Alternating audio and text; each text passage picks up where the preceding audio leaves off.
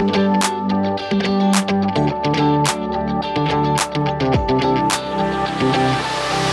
er jeg som er Tesse, Og det er jeg som er Amanda. og du hører på Bryllupssnakk.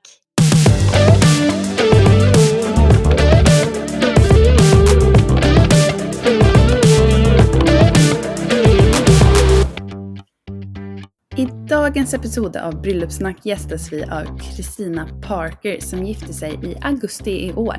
Kristina planlade hele bryllupet selv, og hun gjorde det med glans. Et färgglatt bybröllop med extra, extra allt. Vi snakker både glitter, konfetti, tyll og ja, you name it. Er du og din partner more is more, da vil ni ikke missa dette avsnittet. Skruva opp volymen og låt er inspireres til et skikkelig partybryllup.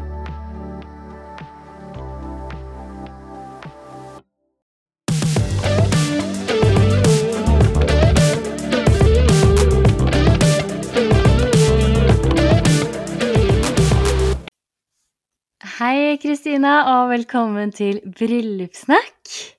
Tusen takk. Hyggelig at jeg får lov til å komme. Jeg er ganske god til å skravle, så, eh, og ikke minst om eh, ting som jeg har eh, drevet veldig mye med i det siste. Ja, ah, det er Så så, det godt blir å høre. Veldig bra. Så hyggelig. Jeg er kjempegira. Men først, ok, navnet ditt, Kristina Parker, Hva spurte jo om det før vi, før vi Eh. begynte her, og da var det sånn eh, om vi skulle kalle deg Parker eller Parker, men vi syntes det var kult å si Chris- Kristina Parker. Ja, det kan dere si. Mm. Ja. Først så tenkte jeg også bare at du kunne få si litt eh, om hvor man kan eh, finne deg på Instagram. Jeg er på ingen som helst måte en influenser. Jeg har jobbet med veldig mange influensere, eh, men jeg klarte aldri å forfølge det selv. Nei. Ja, men det er litt rolig at du sier det, for vi vil jo egentlig så här, lite snabbt om deg. Hvem er du, hva jobber du med, og mm. litt så, om vi begynner der. Eh, Ja, jeg eh, er jo Kristina, da. 33 år har jeg blitt. Kommer fra Drøbak, bor i Oslo med nå min mann eh, og en datter på tre år som heter Hedvig. Eh, ja, hun er veldig søt. Vi var hos tannlegen for første gang i dag. Hun fikk eh, tatovering eh, som gave, så det var hun veldig stolt over. Så stas. um, nei, eh, så er jeg utdanna journalist, eh, men jobbet aldri som det. Men har siden jeg flytta hjem etter studier, studerte i England, flyttet hjem igjen i 2012, jobbet i mediebransjen. Um, hele veien egentlig med innhold. Eh, drev i nesten fem år et influenserbyrå. Eh, så jobbet jeg et år eh, som eh, daglig leder i et TV-produksjonsselskap som blant annet eh, lager Ex on the Beach og litt sånn. Ja, eh, og altså veldig mye gøye ting. Eh, og nå har jeg nettopp begynt i ny jobb som daglig leder i et eh, selskap som leverer alt av duppedingser du trenger for å eh, vise live-produksjon. Type festivaler og eventer og ja. Så mye er gøy. Det høres ut som en så spennende vei, syns jeg, med den, hele den karriereveien du har hatt. Det. Ja, jeg, altså jobben min er jo hobbyen min, på en måte. Um, nå hadde jeg også um, Jeg har jo vært min egen bryllupsplanlegger. Uh, og grunnen til at jeg har vært det, er jo fordi at jeg også hadde et år uh, hvor jeg ikke jobbet. Ehm, for jeg sluttet i jobben min, og man Ja, jeg var daglig leder der, og um, da fikk jeg lov til å ta litt fri med lønn. Uh, så gjorde jeg det i, mens jeg tenkte på hva jeg skulle gjøre neste gang. Uh, Så da hadde jeg en del måneder der da, hvor jeg, eh, jobben min var å planlegge bryllupet mitt. Men var det sånn at du da eh, hadde planlagt at du skulle gifte deg da, eller kom det sånn inni der som en overraskelse, og så ble det bare sånn? Eh, nei da, så vi, jeg og Nikolai, ble sammen i 2011. Um, og eh, jeg eh, ville jo at han skulle fri i sikkert 2015. Ja. Eh, 2016 var jeg 100% sikker på at det skulle skje. Da var vi på Bali. Det skjedde jo ikke, selvfølgelig. Ikke skjedde det i Barcelona på nyttårsaften heller. Eh, da satt jeg og grein. Var full og satt og grein. Men eh, nei, det bare skjedde ikke. Eh, Så fikk vi en datter, og så skjønte Ja, så plutselig hadde han lyst til det. Så da fridde han i sommeren 2019. Mens vi var på sånn ordentlig sånn chartertur til Mallorca. Perfekt, da. Men hadde du, hadde du sett det for deg da? Eller kom det plutselig som en overraskelse da? Nei, nei. Og helt herlig, da, for det skjedde jo selvfølgelig første kvelden, for han klarte jo ikke å vente.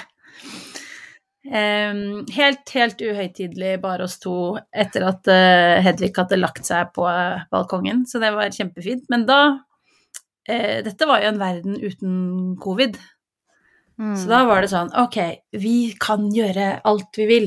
Hadde en drøm om Barcelona. Eh, jeg ville leie en villa og ha fest to dager til ende med poolparty hele veien. Ehm, men så, av ulike årsaker, så valgte vi å ikke gjennomføre bryllup ehm, 2020, så vi hadde allerede lagt den planen på is om å ta utenlandsbryllup i 2020. Og så kom jo covid. Og så tenkte vi fuck it, vi gidder ikke å vente. Jeg er ganske ryddig av meg, så jeg har eh, fører sirlig personlig budsjett. Eh, og at vet jo at det er gunstig å være gift. Ja. Jo, men sånn rent praktisk og juridisk så er det smart, syns jeg, da. Spesielt når man har barn, tenker Ja, ja. jeg. Ja, ja. Så jeg tenkte, vi tenkte, vet du hva, vi gidder ikke å vente. Så vi giftet oss, vi giftet oss på rådhuset i fjor, vi. Og hadde vielse der med ti gjester fikk være med inn. Bare familie. Og så dro vi og spiste lunsj med forlovere på Grand Café. Ja. Og så dro bare jeg og Nikolai i parken og eh, drakk vin midt på dagen på en onsdag. Åh, Så det var nydelig. Det hørtes ut som en drøm, da. Å sitte i parken og drikke vin midt på dagen er jo fantastisk. Ja, ja, i hvert fall når på en måte man eh, ikke har fått muligheten til det på i hvert fall to år, da, eh, etter at man fikk en liten tass. Eh, Så da var det mm, veldig ålreit. Men da ble det litt sånn, ok, men nå, nå satser vi på bryllup. Altså fest neste sommer. Mm. Så da bestemte vi oss for det ganske radig etterpå. Mm. Jeg Men synes jag, jag får ju, ja, Ja. liksom, jag får massa frågor. Jeg òg satt med mange spørsmål. Men Sara, då har ju du också gjort egentligen två bröllop. Du har fått chansen att ändå fira lite två gånger. Mm. Första gången när ni gifte er i rådhuset, gick du, hur tänkte du med kjole och sådana saker då? Gjorde du någonting extra utav det eller var det bara sån väldigt enkelt? Em, ja, jeg vil si jeg gjorde noe ut av det. Jeg var veldig opptatt av at dette var ikke et bryllup, det var en vielse. Eh, det var mye mer seremonielt, om jeg kan bruke det ordet, enn jeg hadde trodd. Jeg tenkte egentlig vi bare skulle gå inn, signere et papir, gå ut igjen. Um, så det var veldig, veldig fint. Men jeg, jeg kjøpte en kjole fra Envelope, eh, som har um, masse sånne knapper foran. Em, så hadde jeg på meg den. Og så hadde jeg, da, fordi jeg begynte jo på Instagram den dagen han fridde. Altså dagen han fridde! Nei, morgenen etter. Da kjøpte jeg eh, eh, glitterpaljettdress på Asos på salg. Ja, fordi den er det mange som har spurt om. Ja. Hvor er den jumpsuiten fra? Den er fra Asos. Den er fra Asos, ja. Og den var på salg, fordi jeg hadde da en kollega som skulle gifte seg, og så hadde vi sittet og tittet på det. Jeg sagt sånn Hvis jeg noen gang skal gifte meg, skal jeg ha den. Så den visste jeg om, så den bare gikk jeg rett inn og kjøpte. Så den har ligget i skapet lenge. Um, men da begynte jeg jo på en måte allerede å nerde på Instagram da, og se etter uh, ting jeg likte, og da fant jeg jo Lofer Randall ganske fort. Det fantes ikke i Norge da, uh, ikke på Zalando heller. Eh, så de skoene var jo megadyre, kostet 5000 kroner med toll og frakt og alt sånt, men, men kjøpte de da i 19. Ehm, så jeg hadde de skoene, og så den kjolen. Og så hadde jeg en veldig klar idé om at jeg skulle ha håret stramt tilbake. Og det hadde jeg også i bryllupet, da. Og så hadde Nikolai en eh, beige lindress, som for øvrig er veldig morsomt, fordi at det, han og jeg eh, har omtrent akkurat på seg samme som mamma og pappa hadde på seg i 1988, når de også giftet seg på Oslo rådhus. Herregud, så Men, men helt ubevisst. Det var først når mamma sa sånn 'Dette har jeg sett før', ja. at jeg skjønte at det var Altså, pappa og Nikolai ser helt like ut. De har jo nesten samme dressen. Mamma hadde litt sånn dressjakke-drakt, på en måte. Alltså, kan, du skikke skicka, kan du skicka bild på dette til oss sen som vi kan få visa? For man blir så här väldigt, föreställer sig när du berättar. Mm. Eh, ja, hvis dere går inn på min Instagram, eh, så tror jeg jaggu at det ligger der. Scroller ganske langt ned til juni 2020. Så kult. Fant dere det? Oj, ja. Ja. Mm. Åh, så kult! Men, men du sa også at du var veldig bevisst med at du ville ha håret stramt bakover. Var det noen anledning til det eller var det bare sånn at det kjente du deg snyggest i eller? Ja, eller jeg tenkte Altså, tanken var jo at det er en relativt uh, enkel design på den kjolen. Uh, og så er jeg ikke så veldig glad Altså, jeg har naturlige krøller, syns ikke noe om det. Eh, liker litt at ting er litt stramt. Så, så derfor valgte jeg det. Og jeg hadde i utgangspunktet, hvis dere scroller enda lenger ned i feeden min, så ser dere at jeg hadde i mange år kort, blondt hår. Så kom, eh, så kom covid, og så stengte frisørene. og jeg har ikke naturlig blondt hår, som dere ser. Dette er min farge. Eh, Så da droppa jeg det, og da begynte jeg prosjekt sparing til bryllup. Oi, så gøy at du gikk med Du hadde hatt blondt hår i mange år, og så hadde du ditt naturlige farge på bryllupet, da. Eh, ja, så da begynte jeg å spare. Så under vielsen i fjor så var det ganske vanskelig å få det tilbake en strikk. Eh, men det gikk veldig fint nå i august, da. Ah, det er så gøy. Å, det, jeg blir litt misunnelig når jeg hører at du har fått feire to ganger, for jeg syns at bryllupsdagen gikk altfor fort. Ja, men jeg, jeg føler virkelig ikke at vi feiret under vielsen. Det var en veldig fin dag, men det var på en måte Det var ikke bryllupet? altså, bryllupet. Nei, men jeg er veldig lite romantisk. Det er også det, jeg, jeg følte vielsen var en praktikalitet. Ja. Men jeg er veldig glad i fest, da. Så det var derfor så var det så viktig å ha bryllupet. Rett og slett fordi vi hadde lyst til å lage en kjempefest for de vi er glad i. Ah, det er så gøy. Men hvis du tenker på bryllupet, da, og når du begynte planleggingen, hva var liksom topp tre prioriteringer for bryllupet? Det, det jeg begynte med, var design. Em, hvordan det skulle se ut. Jeg har jo jobbet veldig mange år i, innenfor type reklame. Eh, og har jo drevet influensebyrå i en del år, så jeg, jeg blir jo på en måte litt influensa av alt på Instagram, for å si det pent. Men altså, det visuelle er viktig for meg. Um, og jeg hadde på en måte en klar tanke om hva jeg ville ha. Uh, er jo også fryktelig detaljfokusert og vil at um, Veldig opptatt av at det skal være en rød tråd gjennom alt.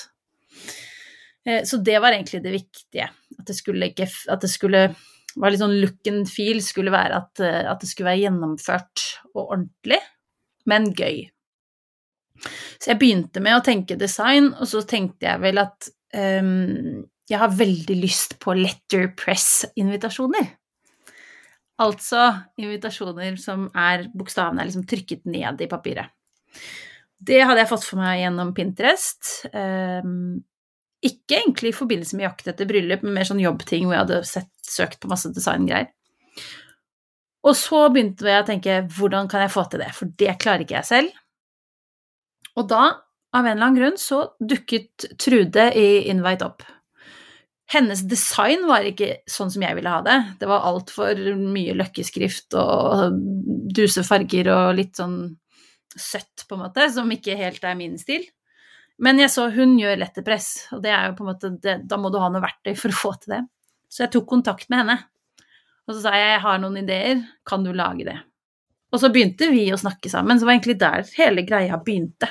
Jeg vet jo Jeg kjenner jo også Trude og hun er jo kjempeflink, og hun har jo pratet så godt om ert bröllop og liksom visat, åh kolla här Amanda, det här blir så coolt och de ska göra det och de ska vara det.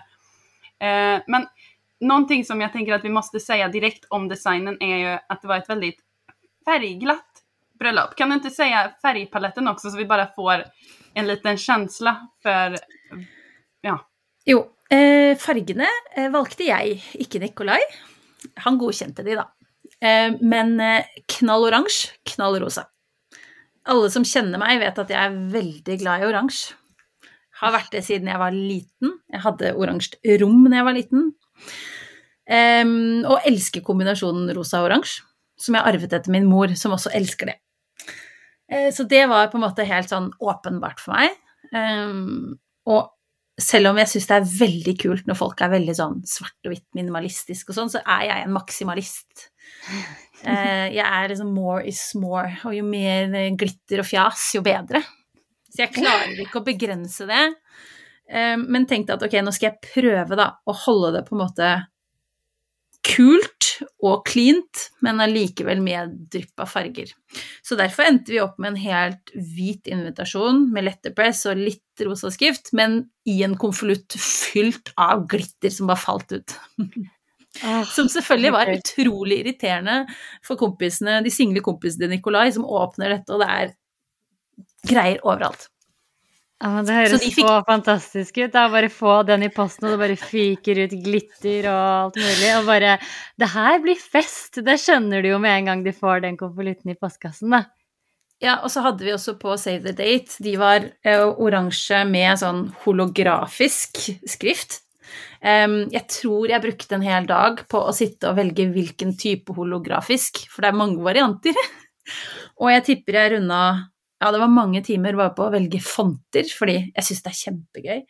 Men eh, konvolutten var sånn gjennomsiktig, så de så at det var masse glitter inni. Men ikke på selve invitasjonen, um, så ja. Ah, Men det er handler jo litt om å bygge opp en forventning, da. Snakket jo jeg mye med hun Trude om at, um, at det er på en måte en form for forsmak på hva som skal komme. Um, jeg tror ikke Nikolai skjønte helt hvorfor vi skulle bruke så mye penger og tid på dette greiene her. Uh, men, men uh, jeg syns det var veldig viktig, da. Förstod han, det i han det i etterkant når han såg resultatet, at det var verdt det? Ja da. Og jeg har eh, eh, gjort greier før, jeg, som han har tenkt sånn Ja ja, og så blir det vel bra. Men, men jeg husker spesielt en gang hvor jeg satt og eh, så viste han ulikt design. Trude hadde tatt frem forskjellige varianter, og så skulle vi velge. Og så tror jeg han bare han Til slutt så så han bare oppgitt på meg, og så rista han på hodet, og så sa han sånn Nå melder jeg meg ut. Dette orker ikke jeg ta stilling til mer. Det er greit for meg. ja. Men er ikke det litt deilig òg, egentlig? Jo, jo, det er kjempefint. Ja. ah, det er veldig bra. Men sånn selve bryllupet blir jeg veldig eh, interessert i å høre om nå. Fordi kan du ikke bare ta oss gjennom dagen, altså sånn fra start til slutt? Mm, Jo. men forlåt, forlåt. förlåt. Sorry Ja. tjejer, men vi glemte jo bort de andre prioriteringene. Ja, Vi, Nei, vi tog bara designen.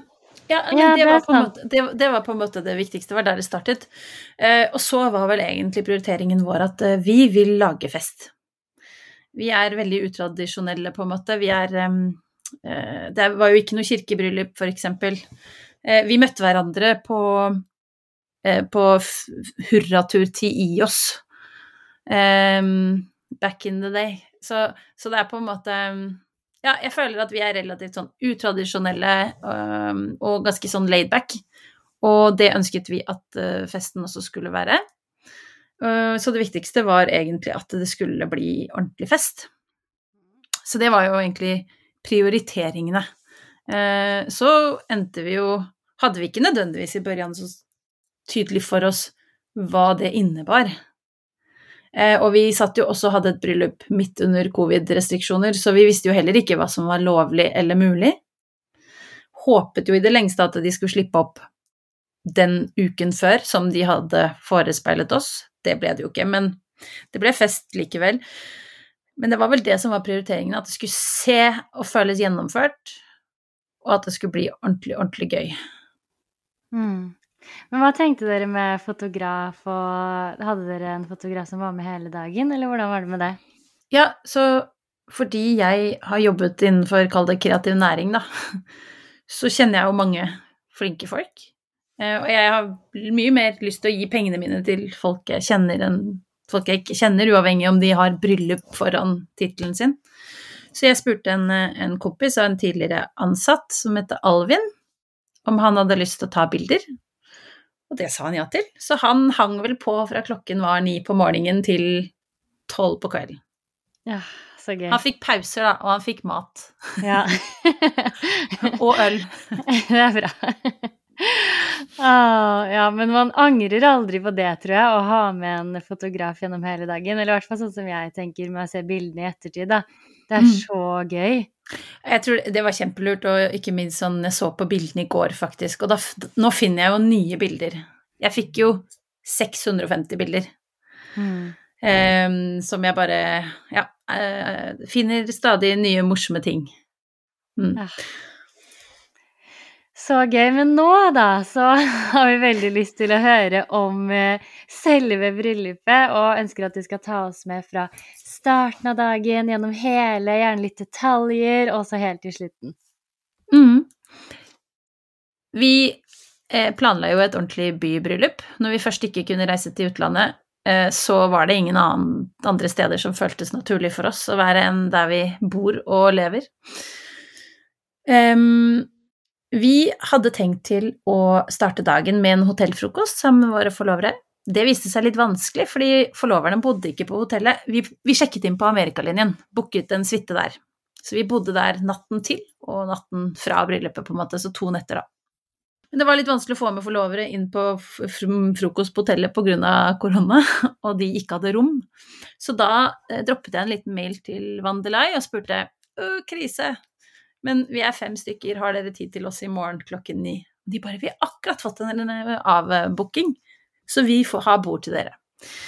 Så da dro vi bort til eh, Bispevika um, og spiste frokost på Vandeløy, som var kjempehyggelig. Gutta uh, Ja, det var veldig, veldig morsom stemning. Uh, forloveren til Nikolai er hysterisk morsom. Og så hoppet vi i havet etterpå. Så da gikk vi og badet. Og hadde med oss eh, hotellmorgenkopper derfra og fikk tatt eh, litt artige bilder på veien tilbake. Så var det mm, inn på rommet. Nikolai hadde da et eget rom, så jeg hadde jo på en måte eh, to forlovere, og så kom makeup og, og hår. Louise kom klokken elleve. Da satt jeg i den stolen fra elleve til Det var lenge. Eh, og gutta de har jo ikke så mye de skal drive med, de skal bare kle på seg. Så de var, de slappet av, og de gikk eh, ut og spiste lunsj og ja, i det hele tatt. Så satt jeg og gjorde hår og sminke, forlovere, vi bestilte litt takeaway til rommet. Datteren min kom innom med moren min. Det funka dårlig. Hun eh, syntes ikke noe om at alt fokuset var på meg, det skjønte hun ikke. Så det ble bare veldig dårlig stemning, så da måtte hun dra igjen. Vi lokket av gårde med noe is og noe sånt. Eh, Og jeg litt sånn meganervøs. Vi pakket den inn i håndklær, fordi hun hadde på seg hvit kjole, hun òg. Men det eneste som funka for å få henne ut, var å love henne en kronesis. Ja. Men det er kanskje litt å tenke på, sånn at barn reagerer kanskje ikke helt sånn som man ser for seg, fordi de er jo vant til at all oppmerksomheten er på de som regel, da. Ja, Og hun skjønte ikke det. deg. Ja. Jeg tror hun syntes det var egentlig litt skummelt. Og ble Var ikke sutrete, men hun gråt sånn oppriktig, så det Ja. Men det var greit. Hun, vi hadde snakket lenge i forkant om at vi skulle lage stor fest, og at hun skulle ha jentefest her hjemme med barnevakter, og hun hadde fått gått på butikken og kjøpe akkurat hva hun ville, så hun hadde valgt da, av alle ting, en kjempedyr pakke med makroner. Jeg tenkte dette er ikke dagen å være kjip på, så hun fikk hele den. Eh, Det viste seg at hun hadde ikke spist middag på kvelden, hun hadde spist tolv makroner. Hun er tre år.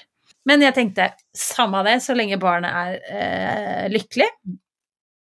Men så eh, hadde vi da Ja, så var vi på rommet og ordnet oss. Fotografen kom tilbake. Han hadde tatt en pause etter at vi hadde vært og badet. Så tok vi litt bilder på rommet.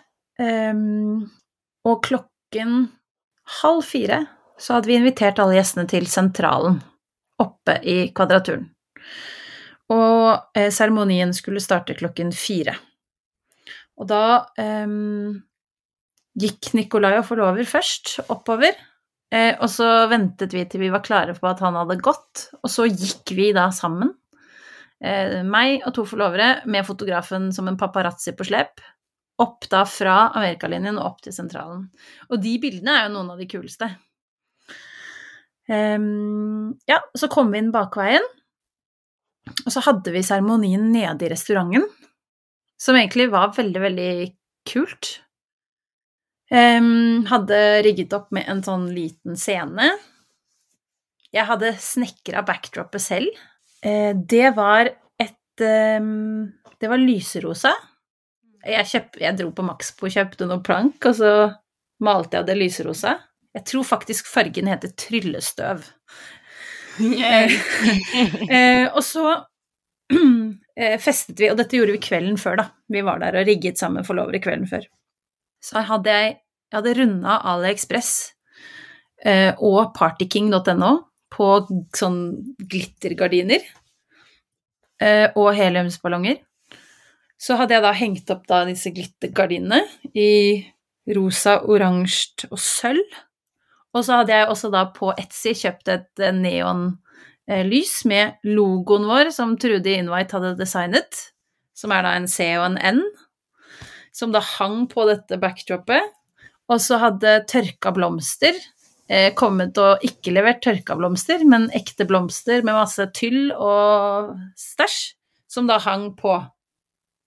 Det Eh, høres så sykt Altså, ja, så fresh ut. Åh, ja. Men dette her er jo jeg som har havnet inni et hull på Pinterest. Eh, Det er jo et resultat av det. eh, Og sett veldig mye på eh, Together Journal, som er jo verdens beste bryllupsmagasin, syns jeg. Og Hello May er ganske bra, men altså de folka nede i Australia og New Zealand, de vet eh, greiene sine. Um, ja. Og så hadde vi seremoni. Mm, Jeg tenkte jo Jeg er jo en ekte katolsk brud, jeg, så jeg valgte eh, langt eh, slør med sånn drop veil, som det vel heter. Eh, Nikolai ristet på hodet når jeg fortalte at han, jeg skulle ha det. 'Skal du ha det?' sa han. 'Ja, det skal jeg ha'. Em, en morsom scene når jeg kommer opp der, og så må jeg på en måte nikke til han og si 'du må ta det av', for det hadde vi ikke øvd på. Men uh, Og så hadde jeg da uh, Vigsler, var en kompis som heter Galvan, som også er um, jobber i radio, og har et radioprogram som heter Med all respekt. Så han jobber i NRK og snakker mye, og er en veldig fin fyr. Så han viet oss. Älskar. Så gøy. Ja. Og det ble kjempegøy. Det ble sånn eh, Vi fistpumpa, og det var eh, Alle lo. Um, men han hadde for all del Han hadde blitt, fått en god brifing av meg, uh, så han visste hva han skulle si av ordentlig tekst også. Og så brukte vi den vigselsteksten til Human-Etisk Forbund, tror jeg. Mm. Uh, pluss at han da først innledet med å fortelle litt om hvordan vi møtte hverandre, uh, og gjorde det på sin helt egen måte. Som bare han kan. Og det er så morsomt. Men bare ett spørsmål her. fordi Er du en sånn person som blir rørt av under vielsen, eller er du på en måte så lite romantisk at du faktisk ikke blir det? Nei, jeg hadde håpet at jeg begynte å gråte, jeg, altså, men jeg tror ikke jeg felte en eneste tåre hele bryllupet. Jo, kanskje litt ble jeg Jeg var litt våt i øyekroken eh, under talen til Nikolai. Men jeg tror jeg var så opptatt av at nå skal dette her gå etter planen. Ja. Men jeg, men jeg er altså veldig lite sentimental, så jeg var ikke overrasket. Eh, For meg er det jo ikke eh, Jeg bare hadde det så gøy, jeg. Skjønte ikke hvorfor jeg skulle drive og gråte. Nei. Ja, og så videre etter seremonien, hvordan gikk dere ut, og hvilke låter og sånn hadde dere? Eh, ja, så vi hadde da eh, selvfølgelig ikke noe orgel. Vi hadde Fields of Gold med Eva Cassidy på vei inn. Eh, det ble spilt på anlegget. Og så hadde vi Sign Seal Delivered med Steve Wonder på vei ut. Ja, så fin. Um, og så hadde vi da altså verdens beste band som eh, spilte Dans opp på bordet partyband. I tillegg til å ha verdens beste eh, bandnavn, så er de altså så sinnssykt flinke. Han pianisten der, han spilte også under vielsen, eh, hvor vi hadde søsteren til Nikolai som sang en låt. Når vi da var ferdig, da var det jo på en måte Da gikk vi ut, og så gikk vi en snurr bak, og så kom vi tilbake inn døren. Og da var det jo skåling og litt bobler. eh, En halvtimes tid før vi da smatt av gårde sammen med forlovere igjen for å ta bilder. Men jag tycker också det är lite intressant för att då, ni hade ju ingen first look, utan ni såg varandra färdiggjorda första gången på vigseln.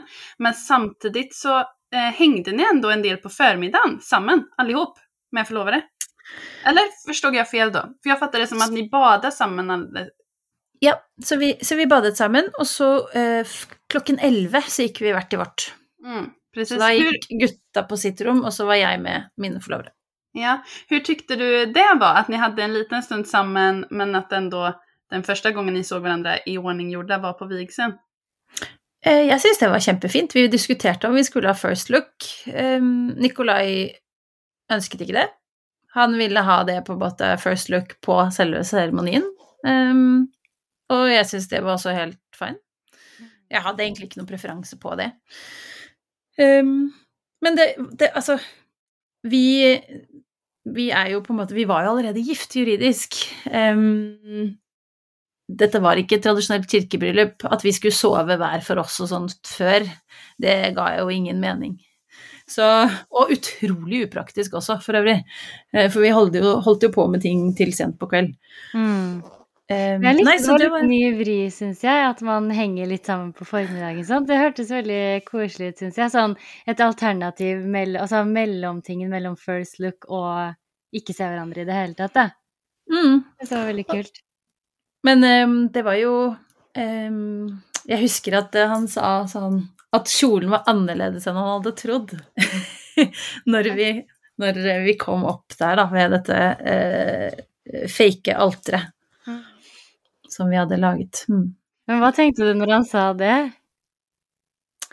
Eh, nei, da tenkte jeg selvfølgelig hva hadde du trodd? Men det spurte jeg jo ikke om da. Men jeg, tror, jeg vet ikke helt. Eh, Den, den kjolen jeg hadde er jo litt, eh, hva skal jeg si, annerledes. Eh, med en del på en måte draperinger foran på korsettet. Eh, med sånn tydelige spiler og litt sånt. Um, så den skiller seg jo litt ut fra en sånn litt mer klassisk blonde-type variant, da. Nå tror Mm. ikke jeg hadde forventet at jeg var full blonde. Eh, men, men, men likevel, den er jo Den eh, kjolen er jo den kuleste kjolen jeg har sett, og relativt eh, annerledes mye annet, så jeg skjønner at han ikke hadde forventet den. Mm. Hva var det som gjorde at du landet på den kjolen? Var det just for at den var annorlunda eller berätta litt om hur valet gikk til? Hvordan fant du den? Eh, jeg fant den på Instagram, og så viste det seg jo at de solgte den i Oslo. Så jeg eh, hadde jo da fra 2019 begynt å like ting, eller lagre ting, bilder av kjoler som jeg likte på Instagram. Og så i oktober 2020 så tenkte jeg nå må jeg ta med meg mamma og forlovere og prøve noen kjoler for å se. Og da måtte jeg jo på en måte definere litt hva jeg skulle ha. Så da gikk jeg tilbake og så på hva jeg hadde lagret, og da viste det seg jo at denne kjolen hadde jeg sikkert lagret fem-seks ganger uten at jeg var klar over at det var samme kjolen. Eh, og da tenkte jeg den må jeg jo prøve. Er den mulig å prøve i Oslo? Den, det var den, på White by Green. Eh, så da sendte jeg dem en melding på Instagram og sier har dere denne kjolen? Ja, de hadde den. Eh, hvor mye koster den? Den koster 35 000. Og da tenkte jeg da er det budsjettet mitt. I hvert fall ikke mer. Så da, da dro jeg dit i oktober i fjor, blir det da. Og eh, prøvde, sa til Spør hun jo vet du hva du vil ha? Sa jeg ja, jeg vet hva jeg vil ha. Jeg vil ha den kjolen. Eh, men jeg vil prøve den til slutt. Og jeg vil prøve alle mulige andre typer stiler først. Så da gjorde jeg det. Og så var de fine, de, altså. Så tok jeg på meg den til slutt, og da var det jeg, Da tror jeg vel at jeg sa jeg tar den. Så jeg har bare vært én gang og prøvd kjoler. Mm. Men det är ju många som har en bild som de tänker, åh den kjolen är så fin, den kjolen ska jag ha. Men sen när man väl provar den så passar det egentligen inte alls. Så det är ganska coolt också att du både har lagrat den så många gånger innan och sen att den faktiskt sitter som en smäck när du provar den på riktigt också. Ja, den var jo veldig liten, den de hadde i butikken, da. Altså, jeg er vel vanligvis en størrelse small medium, på en måte, en variant der. Men den var vel sikkert ekstra, ekstra small. Den var i hvert fall for folk mye mindre pupper enn meg. Men jeg tenkte sånn Det er jo det, de, det, er jo det du får når du kjøper din egen. Du tar den jo på mål, så Så Nei, det var bare eh, Det var eh, Det var den jeg skulle ha. Mm. Ja. Ja, Veldig, veldig fin kjole i alle fall. Jeg elsker også den. Ja, men videre etter det. Etter at vi hadde vært og tatt eh, Etter, at, etter vielsen så gikk vi for å ta bilder, så da hadde jeg allerede gått rundt i sentrum og skauta litt på location. Um, da fant vi ut at Bankplassen, den er kul. Um, det er jo litt viktig å ikke ha direkte sollys. Vi var heldige med været sånn sett. Altså, blå himmel er fint, men det er ikke så bra for bildene ofte. fordi man myser, så det var jeg glad for, da. Uh, nerd som jeg er. Um, og så uh, Der er det sånn, en sånn allé med trær, så jeg tenkte at her kan det bli litt sånn kule bilder. Så da gikk vi dit, uh, tok bilder mens vi gikk. Veldig mye kule bilder av at man går. Man, veldig oppstilte bilder blir ofte litt rare, uh, med mindre man er modell, da. Det er jo ingen av oss. Og så tok vi noen veldig kule bilder på banket til Norges Bank, banktrappa, og foran en fontene og litt sånne type ting. Så dro vi tilbake, og da var det da var det fest, typ. Da vi, drakk vi litt bobler nede i den restauranten, før vi da trakk oppover i det som da er um, en gammel bank, det også. Et sånt veldig ærverdig eh, lokale. Opp i en sal som heter Forstanderskapssalen hvor jeg hadde kitta ut uh, lysekronene med masse glitter. Deilig. ja. Og da startet jo var det bordsetting klokken seks. Mm. Og da fordi at vi eh, visste ikke hvordan vi kunne ha bordsetting pga. restriksjoner.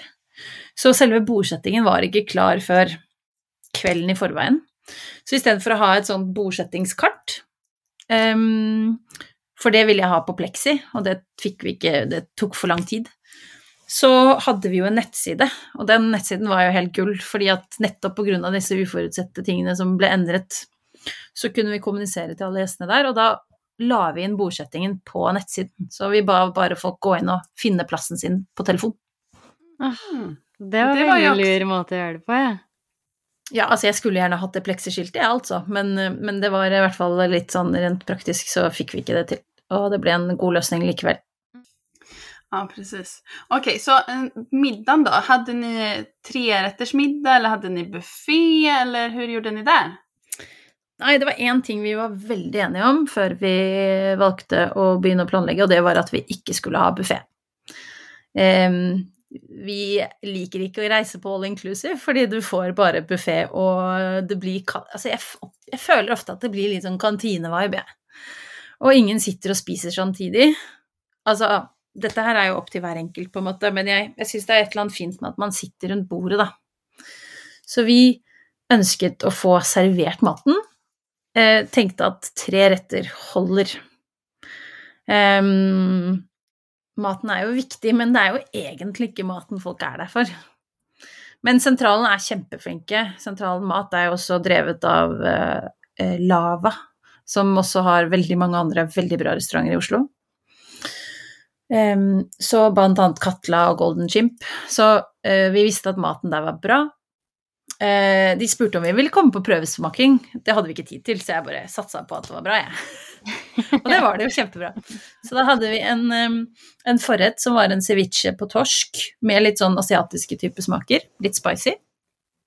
En hvitvin, uh, en Riesling fra Østerrike til det. Og så hadde vi til hovedrett så var det and og noe puré og noe potet. Det var også veldig godt, men da var sånn, da hadde jeg, jeg hadde jo nesten ikke spist på to døgn, for jeg var så stressa, hadde jo ingen matlyst, og da kjente jeg at dette klarer ikke jeg å spise opp. Uh, nei, men sånn, jeg var ikke sulten. Jeg var på nei, adrenalin, tror jeg. Lik. Jeg var helt lik. Jeg spiste nesten ingenting, fordi det var, mat var sånn Å, nei. Nei, jeg bare hadde ikke interesse for det. Og så var det en fantastisk dessert som var en type sjokolademousse med en blodappelsinsorbé. Eh, og så var det rødvin til hovedretten. Ja. Og så ble det litt sånn, og det var vi også veldig opptatt av, at folk skal ikke sitte og ha, være tomme i glasset. Så vi var veldig på personalet at dere må faktisk gå og skjenke. Eh, fordi det, nå har ikke folk fått vært på fest på halvannet år. Selvfølgelig ikke skjenk til de blir stupfulle, men folk skal ikke sitte og måtte på en måte vente på å få noe i glasset hvis de er tomme. Så mm. Og så var det kaffe vekk. Eh, vi droppet bry bryllupskake. Det er jo ingen av oss Altså, vi tenkte folk er der for å feste. Vi hadde Mesteparten av gjestene var jo venner. Eh, og det er mye Ja, de var nok mer opptatt av eh, godt i glasset enn eh, mye kake. Så vi droppet det. Vi hadde liksom et sånt snacksbord. Men, eh, men det var jo dessert. Mm. Mm. Ja. Ja, det blir mer og mer vanlig at man faktisk bare dropper kaken. Mm.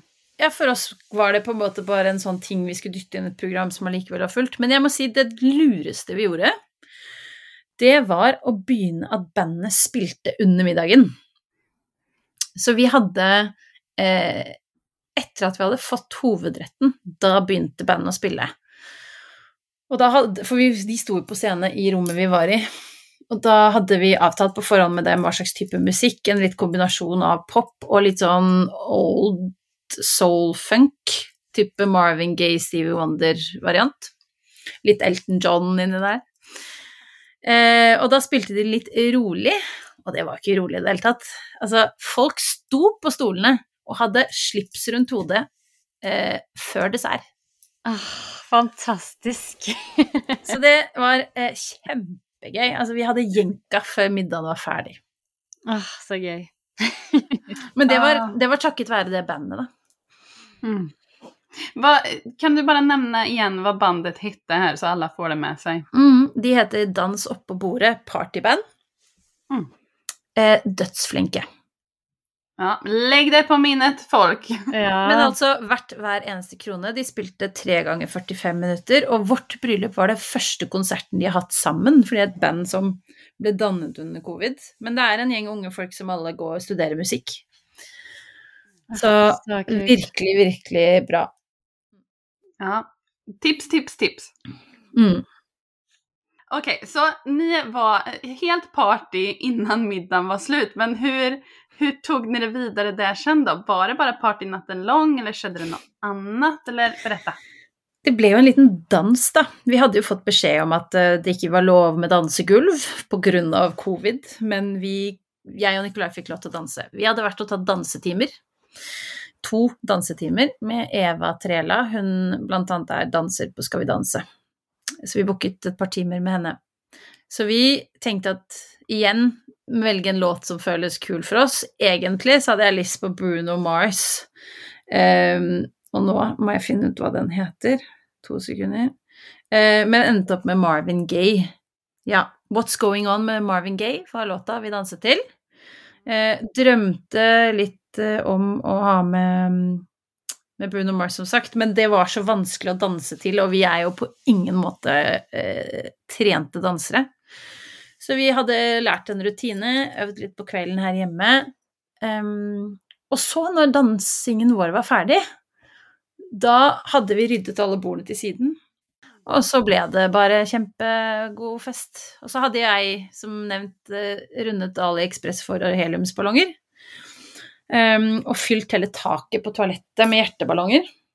Med sånne, snore, snor, sånne snore på. Så folk gikk jo da på do og tok med seg ballong. Så til slutt så var jo hele dansegulvet fullt av heliumsballonger i tillegg. Eh, Så det var veldig, veldig gøy. Og han som vant festen, var Nikolais bestefar på snart 80 år. Åh, fantastisk. Ja. ah, det er så gøy når alle er med. Mm. Det låter jo så kult. Det låter som et virkelig man hadde villet vært med på det bryllupet. Mm. Ja, jeg ville vært med på det igjen. Eh, og så hadde vi da Jeg tror vi måtte være ute av alle disse dumme reglene. Så måtte vi avslutte klokken halv to. Så da eh, regnet vi jo med at det var noen som ville fortsette festen. Så da hadde vi laget sånn nachspiel-bag. Type en Claes Olsson-bag med pledd og eh, pappkrus og vindunker. Og så sa vi vær så god, og så gikk de bort på kontraskjæret i mørten, og så satt de seg der og fortsatte festen. Ah, så gøy. ah, Ah. det er så morsomt også. Man blir jo ekstra kreativ når det er sånne restriksjoner og sånn, føler jeg. Man må liksom tenke nytt på flere plan, da. Ja, altså jeg skulle jo gjerne vært foruten, altså. Men det ble jo det ble bra uansett. Um, ja. Hva gjorde ni da? Gjorde ni en sånn her klassisk klassisk dere ni rymde iväg fra festen eller ble ni kvar eller? Nei, vi er ikke så gode på å rømme fra fest. Um, det er ikke helt vår greie. Uh, vi hadde vel um, Så det kan jeg si, da. Når vi skulle danse dansen vår, så skjønte jeg ganske fort at det går ikke, den kjolen. Um, jeg har jo nok med mine bein, men i tillegg så skal jeg sørge for at han ikke tråkker på den. Så derfor byttet jeg til paljettdressen før dansen, som ikke var planen, men, men det ble sånn. Og da hadde jeg også en sånn hvit denimjakke med masse perler på, som jeg har kjøpt for flere år siden, som jeg hadde over, da. Snyggt! Som vi da eh, Men fordi ja, vi hadde jo begge to gått så mye og beveget oss så mye og snakket med så mange, så det var ingen av oss som var på en måte overstadig beruset når festen var ferdig. Så da tenkte vi ja, men da kan jo vi være med videre. Så vi ble med bort da, på denne etterfesten. Og så begynte det å bli dratt opp noe sigarer og noe greier, og da bare kjente jeg at nå Da var klokken Da var klokken, tror jeg klokken var halv tre. Da kjente jeg at vi skal ikke vinne nachspielet. Nå går vi. Så da gikk vi tilbake til hotellet, og så sovnet vi vel før klokken var tre. Mm. Som for øvrig er en rekord for en småbarnsmor da, på de siste tre årene, så jeg følte allikevel at jeg var ganske gæren. Ah. Ja, det høres ut som en helt fantastisk dag. Altså, alt virker så gjennomført, planlagt, veldig sånn cool vibe på hele bryllupet. Og det er jo akkurat det man ser på bildene også fra bryllupet, er jo den viben som du beskriver. Ja, det var veldig, det var veldig, veldig gøy, og, og at det skulle ikke være så høye skuldre på noen, egentlig. Vi hadde frokost med venner som også hadde sjekket inn på hotellet. Jeg tok kontakt med hotellet og spurte om de kunne gi meg noen rabatt som vi kunne gi til våre venner ved booking, så det fikk de. De fikk 20% på det. Um, og så hadde vi booket da en felles frokost, uh, sånn at vi var vel kanskje åtte par eller noe sånt, så spiste frokost sammen morgenen etter, før vi sjekket ut. da, Det var veldig, veldig hyggelig. Uh, så det var um, det var fint, og alle var ganske slitne, men også veldig lykkelige over å ha fått være på en fest. Mm.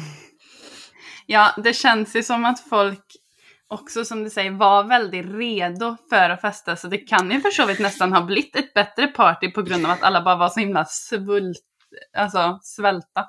Ja, jeg tror det. Um, og så kjenner jo vennene mine meg godt nok til at de skjønner at uh, jeg er uh, litt detaljorientert. Så mamma uh, og søsteren min hadde jo Vi hadde jo kjøpt klær til dem for lenge siden, så mamma hadde da på seg en knalloransje blazer, og søsteren min hadde på seg en kjole i samme på en måte stoffet som fòret på jakke til mamma. Mm, sant? Og så, så veldig mange av venninner og familie og sånn spurte meg hva de skulle ha på seg. Um, og så er jeg superallergisk mot sånne lavendelfargede, lange, kjedelige sånne brudepikekjoler.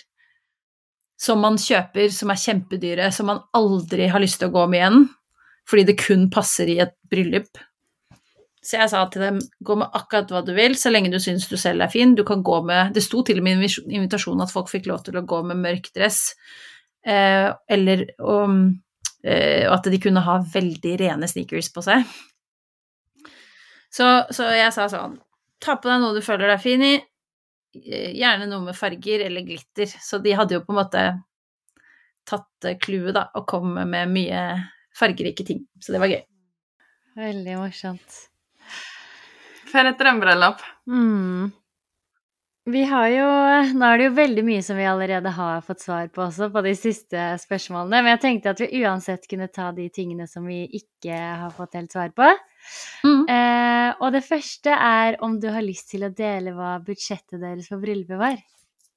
Ja, det måtte jeg regne på i går. Ja. Um, jeg tror det lå på rundt 300 000, så det er mye Mm. penger. Mm. Men vi var heldige å få bidrag av familie i, i gave. Um, blant annet for eksempel så fikk vi sponsa band av uh, Og noe også bare type pengegaver. Um, og så var jeg litt opptatt av at uh, skal, ingen skal mene noe om hvor mye penger jeg bruker på hvordan jeg ser ut den dagen. Så kjolen min betalte jeg selv, og skoene betalte jeg selv. Det var ikke noe sånn felles greie. Og Nikolai kjøp, um, kjøpte en ny eh, smokingjakke, og det fiksa han sjøl. Så han, hans regning var mye billigere enn min. Men jeg, jeg tror nok vi havnet på rundt eh, 300. Um, vi hadde eh, kjøpt en sånn pakke på sentralen, og så hadde vi sagt at vi tenkte at eh, Fordi vi hadde åpen bar. Vi betalte alt. Det var ingen som betalte noen ting selv i bryllupet. Og tenkte at eh, vi kan legge til 20 000 kroner ekstra i alkohol. Eh, vi endte på 30 000. Så vi gikk 10 000 over budsjettet sånn sett, da. Som ikke er så gærent. Men hvor mange gjester var det dere var? Jeg vet ikke om vi har snakket om det. Nei, vi var 60 cirka gjester. Så ikke så altfor mange. Men vi har noe Vi har veldig liten familie. Så det var de gjestene vi ville ha, på en måte. Så det passet fint.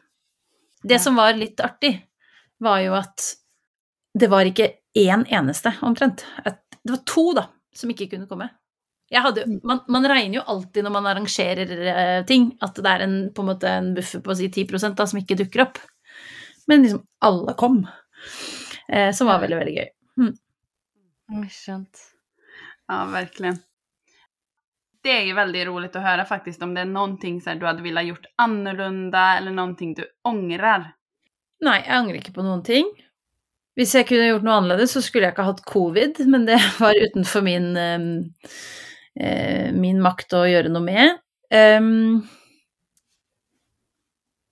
nei, altså, jeg syns jo alt gikk jo etter plan, og den planen hadde jeg jo laget selv, så jeg kan på en måte ikke klage over noen ting. Um, jeg ville vel kanskje hatt enda mer glitter og fjas. Altså, more is more, og liker på en måte stor... Altså, jeg tenker Ta for eksempel å bruke Hvis du bruker 200 kroner på heliumsballonger, da, så bruker du jo veldig lite penger på noe som synes veldig mye. Det er noe med å på en måte velge ting som tar plass, fordi det føles ut som det blir da mer eksklusivt, eller sånn. Mm. Eh, jeg skulle nok gjerne kanskje hatt enda mer greier, men igjen, da hadde jeg jo ikke hatt tid til å sette det opp, så da Ja. Eh, nei da, jeg, jeg er eh, Alt gikk etter planen, så jeg er fornøyd. Mm. Men én ting bare Hvis man kunne sagt én ting du hadde valgt igjen, én ting du hadde klart deg uten, og én ting du ikke hadde valgt igjen. Uh, jeg hadde jo uh, valgt bandet igjen. For det gjorde på en måte feststemningen. Um, altså, det er ingenting jeg ikke hadde valgt igjen, på en måte. Uh, jo, jeg hadde ikke valgt den kaka som jeg kjøpte på Baker Hansen dag, eh, samme dag for å sørge for at det var én kake i det minste der. Den hadde jeg ikke valgt igjen, for den var det ingen som spiste noen ting av. Nei. Eh, og eh, hva hadde jeg klart meg uten? Um, jeg hadde sikkert klart meg uten alle heliumsballongene på do, for det er litt sånn sær greie. Putte heliumsballong på do. Og det var bare fordi at de hadde så kule røde kraner der, så tenkte jeg oh, da blir det kult med røde helhetsballonger her. Eh, men det var også veldig gøy, så jeg hadde sikkert valgt igjen. Men jeg kunne Mm. klart meg uten. Mm.